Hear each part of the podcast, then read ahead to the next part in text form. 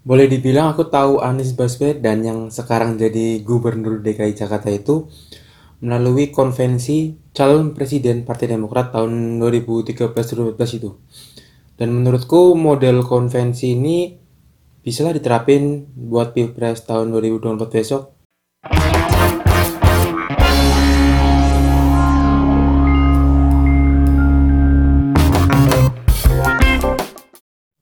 Awalnya sebenarnya aku mau niatnya tuh bahas tentang debat capres besok, yang pertama tanggal 17.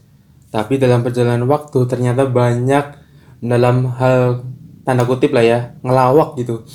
Jadi sedikit menurunkan keinginan buat bahas itu. Bahkan ada yang bilang buat debat besok sebenarnya adalah semacam ya malam keakraban aja gitu. Oke, aku mau balik ke topik yang ingin aku bicarakan bahwa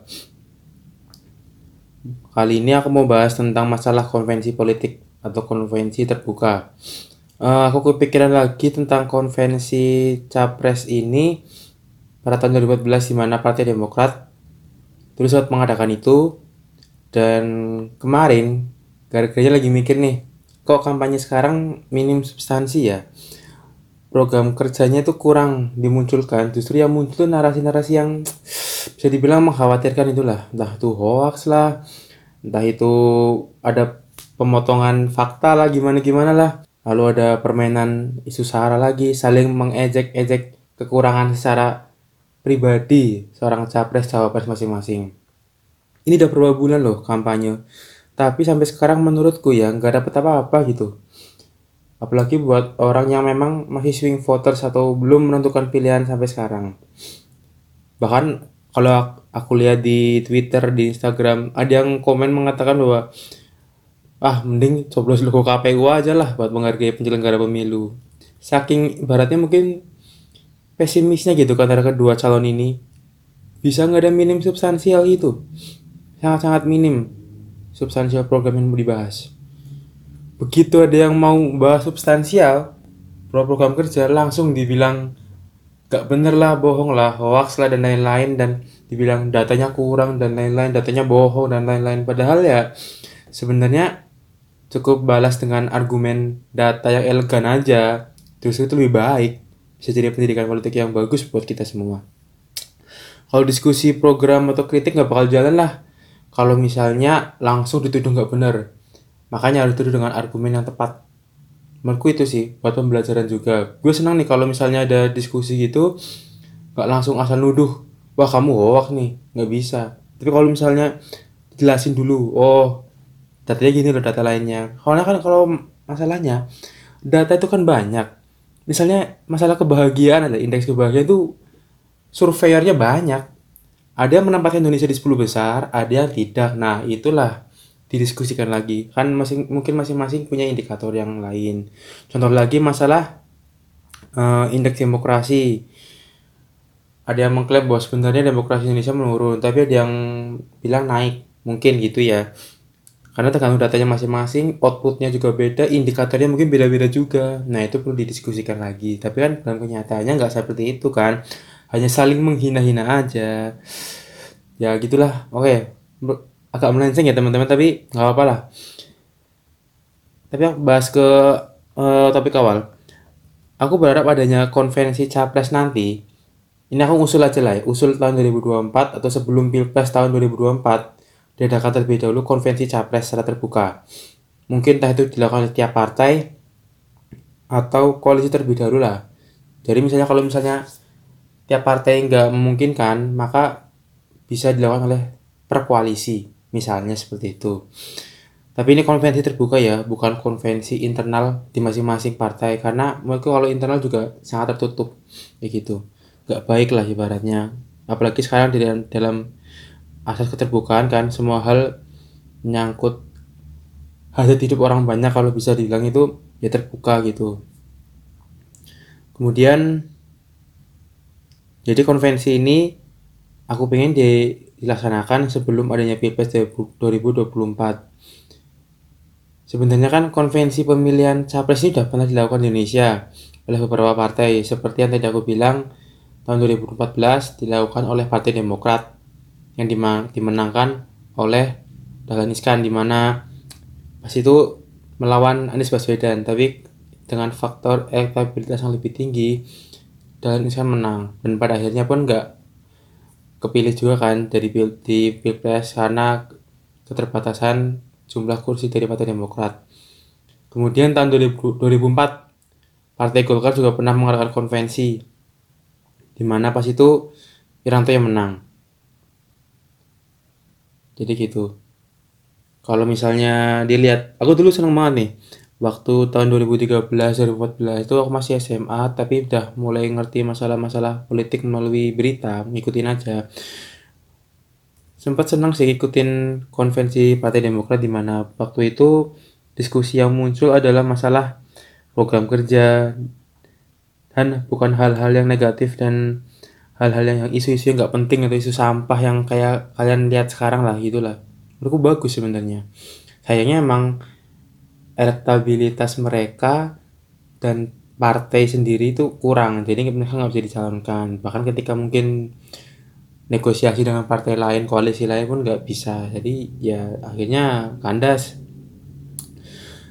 Nah, di sini kenapa sih aku menyarankan diadakannya konvensi terbuka sebelum Pilpres tahun 2024? Menurutku sih selain memang agar lebih terbuka, lebih masyarakat bisa tahu program kerja karakter dari calon pemimpinnya, ini bisa meminimalisir penggunaan narasi wacana yang sampah atau isu-isu yang nggak bener lah dan menonjolkan program kerja yang dimiliki serta karakteristik kepribadian calon pemimpinnya.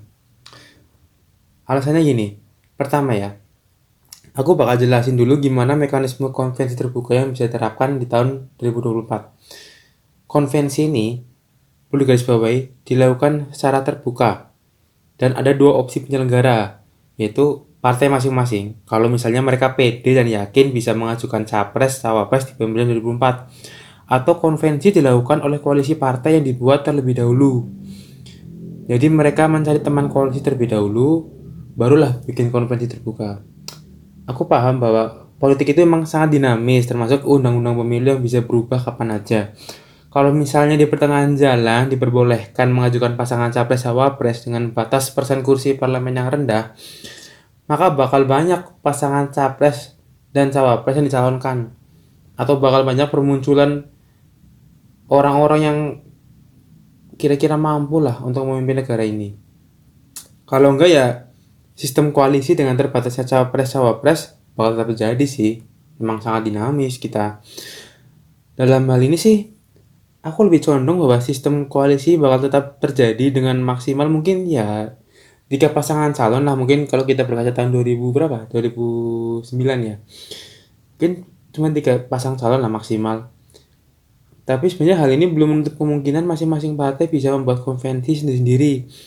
Walaupun sebenarnya partai bisa memilih koalisi sesuai dengan pilihan capres dari partai pengusung yang memiliki persentase kursi yang besar. Kalau begitu, maka konvensi terbuka lebih dimungkinkan dilakukan oleh partai-partai dengan persentase kursi yang besar atau diibaratkan partai yang bisa memimpin sebuah koalisi. Misalnya nih, tiga besar partai mendapatkan suara terbesar pada pemilu ini yang kemudian tahun 2024 akan mencalonkan capres cawapres kan mereka punya tiga suara terbesar mereka bisa membuat koalisi masing-masing dan tiga partai tersebut pemimpin koalisi tersebut dan memimpin pengadaan atau penyelenggaraan konvensi politik konvensi terbuka. Misalnya nih PDIP dari koalisi Gerindra dari koalisi atau misalnya uh, Golkar dari koalisi lagi. Misalnya tiga-tiga partai itu tidak dalam satu kelompok koalisi yang sama mereka bisa masing-masing bisa menyelenggarakan uh, capres konvensi terbuka capres dan cawapres. Karena mereka mereka memiliki posisi tawar yang besar dan mereka bisa menjadi pemimpin partai koalisi seperti itu kemudian kedua konvensi terbuka sebagai pendahuluan sebelum pilpres ini bisa mereduksi isu-isu sampah isu-isu nggak penting ketika pertarungan yang dihadirkan pada saat konvensi adalah murni masalah program kerja dengan penentuan pemenang ditentukan oleh juri atau tim independen dengan orang-orang yang kredibel. Sebenarnya pada awalnya aku sempat berpikir pada sistem konvensi terbuka ini, masyarakat dapat turut serta memilih melalui mekanisme e-voting. E-voting ya. Tetapi hal itu justru memunculkan adanya isu-isu nggak jelas lagi. Pada potensinya, potensi untuk memunculkan isu nggak jelas tuh muncul lagi. Tetapi, kalau penentuan pemenang konvensi secara terbuka ini dilakukan tim atau juri independen, maka peluang isu-isu nggak jelas muncul tuh menjadi sedikit. Karena calon-calon pemimpin akan berusaha menonjolkan program kerja dan persona karakter pribadi tertentu. Di sinilah masyarakat bakal tahu lebih awal gimana sih karakter pemimpin-pemimpin yang ada, sepak terjang mereka, track record mereka, program kerja mereka, prestasi mereka dari calon-calon pemimpin. Ya siapa aja boleh, siapa aja boleh mendaftar di konferensi terbuka ini.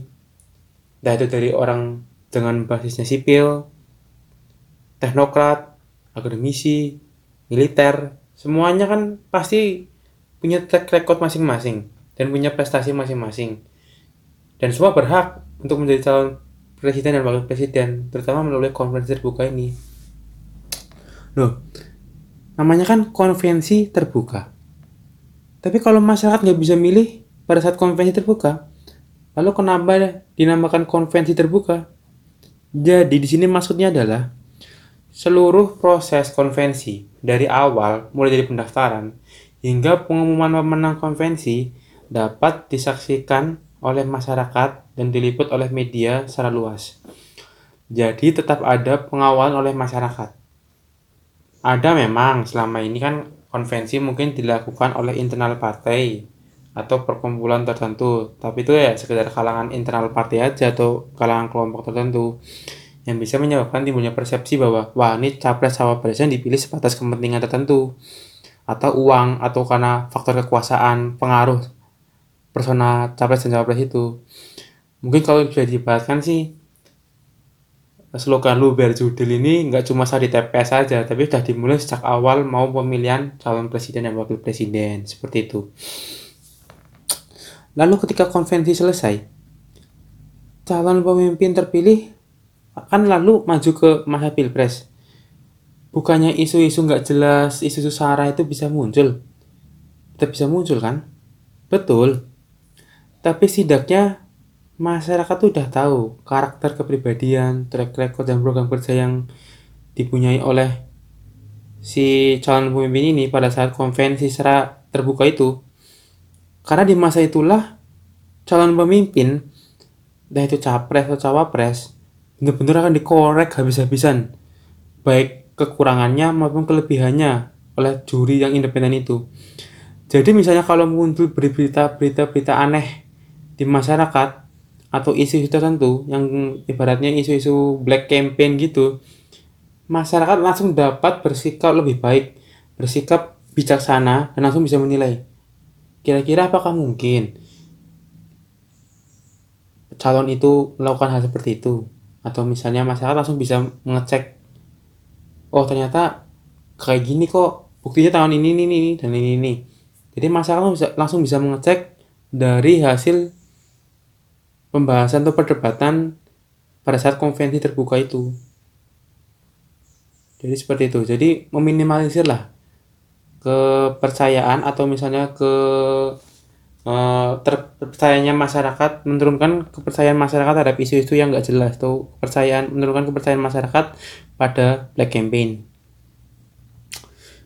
Nah, dari usulanku tentang konvensi terbuka ini, apakah sebenarnya pada tahun 2024 konvensi terbuka ini bisa benar-benar diwujudkan?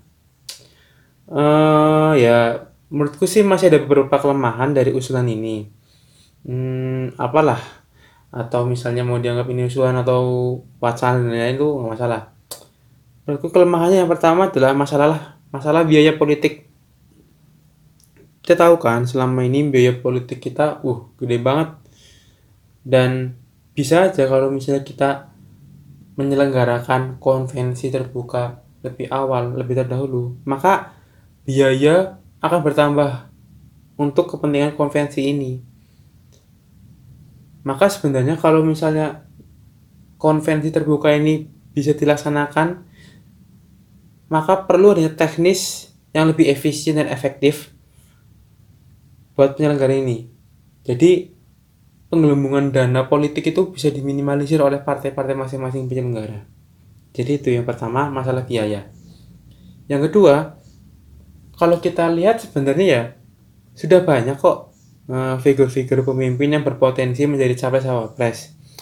Kalau lihat dari kenyataan banyak banget ya, dan mungkin udah mulai dibahas-bahas nih. Contohnya Ridwan Kamil, Bu Risma, Pak Sandiaga, Pak Ahy, Pak Anies Baswedan atau Pak Prabowo mau coba lagi. Serah. Ya ibaratnya kalau sekarang ya tinggal milih lah. Contoh atau calon presiden atau wakil presiden udah banyak banget sekarang tokoh-tokoh yang menonjol. Dan udah mulai diomongin sih dari sekarang.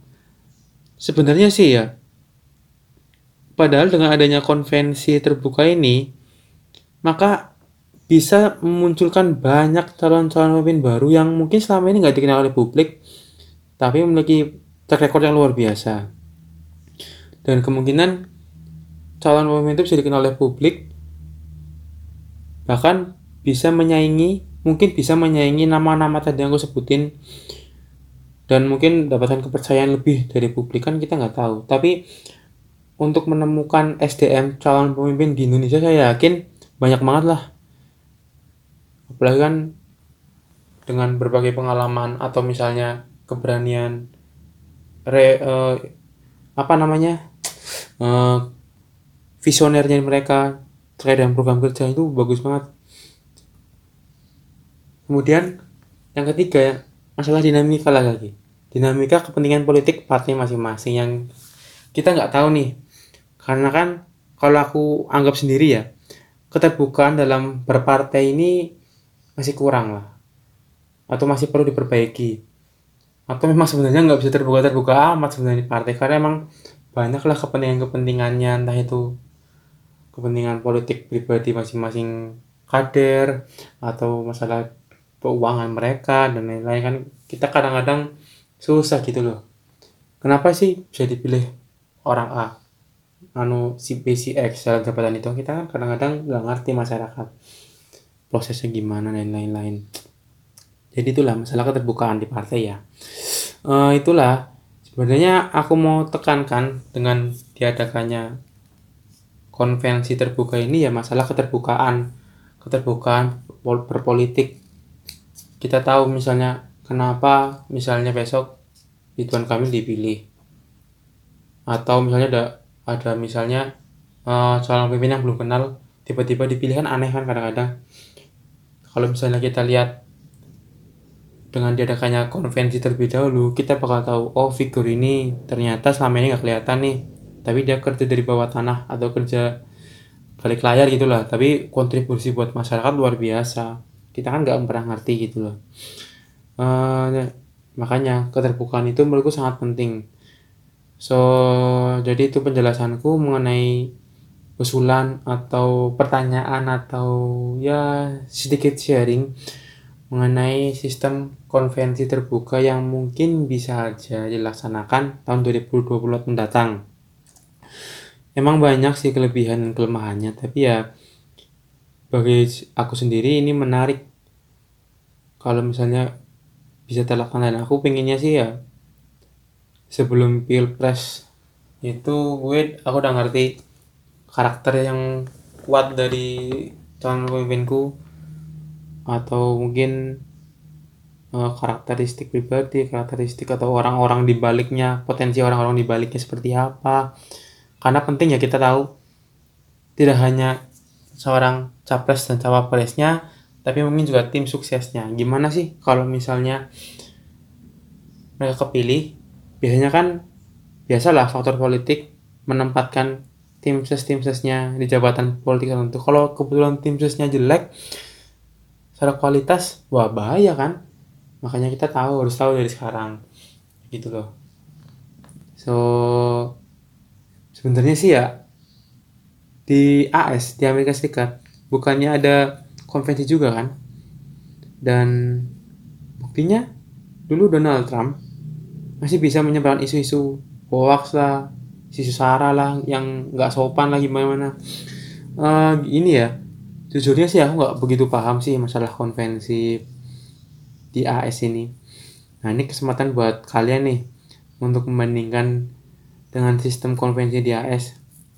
Kalau sepemahaman aku sih ya, sistemnya mulai dari negara bagian di mana semakin banyak memenangkan dan mendapatkan delegates, maka mereka semakin besar kans terpilih sebagai calon presiden. Kalau memang begitu berarti sistemnya memang berbeda sih kalau misalnya dari yang aku usulkan tadi. Karena kalau aku ini yang keinginanku ini uh, capres dan cawapres yang terpilih pada waktu konvensi terbuka itu penentuannya dilakukan oleh tim independen, tim ahli independen gitu. So, jadi itu penjelasanku sedikit mengenai sharing lah pemikiranku mengenai konvensi terbuka ini. Uh, emang sih mungkin secara argumentasi banyak kekurangan dan kalian bisa melengkapi kok dan bisa memberikan saran atau kritik. So, sampai jumpa lagi di episode selanjutnya. Uh, selamat makan.